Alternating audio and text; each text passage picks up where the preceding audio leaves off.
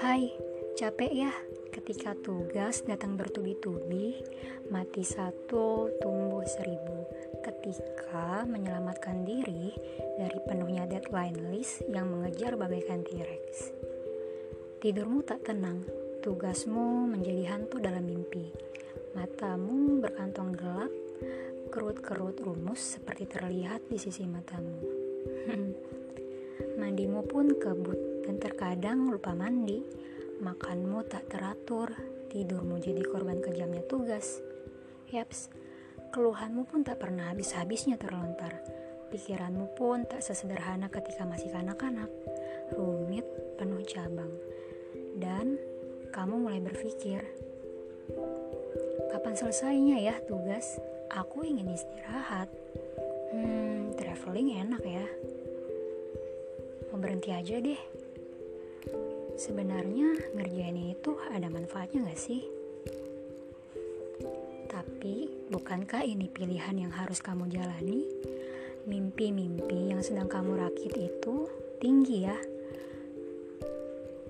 Perihal tugas yang kejam tanpa ampun, bukankah itu tantangan yang harus dilewati si penuntut ilmu? Memang, efek dari tugas yang kamu kerjakan belajar yang sudah kamu niatkan mungkin belum terlihat hasilnya sekarang. Bukankah itu butuh proses? Tenang, itu bukan sebuah kesia-siaan. Percayalah, yang sedang kamu lelahkan sekarang akan berbuah indah nanti. Yakinlah, rencana Allah adalah yang terbaik. Hei, selamat! Sudah sampai di titik di mana tugasmu selesai. Kamu hebat.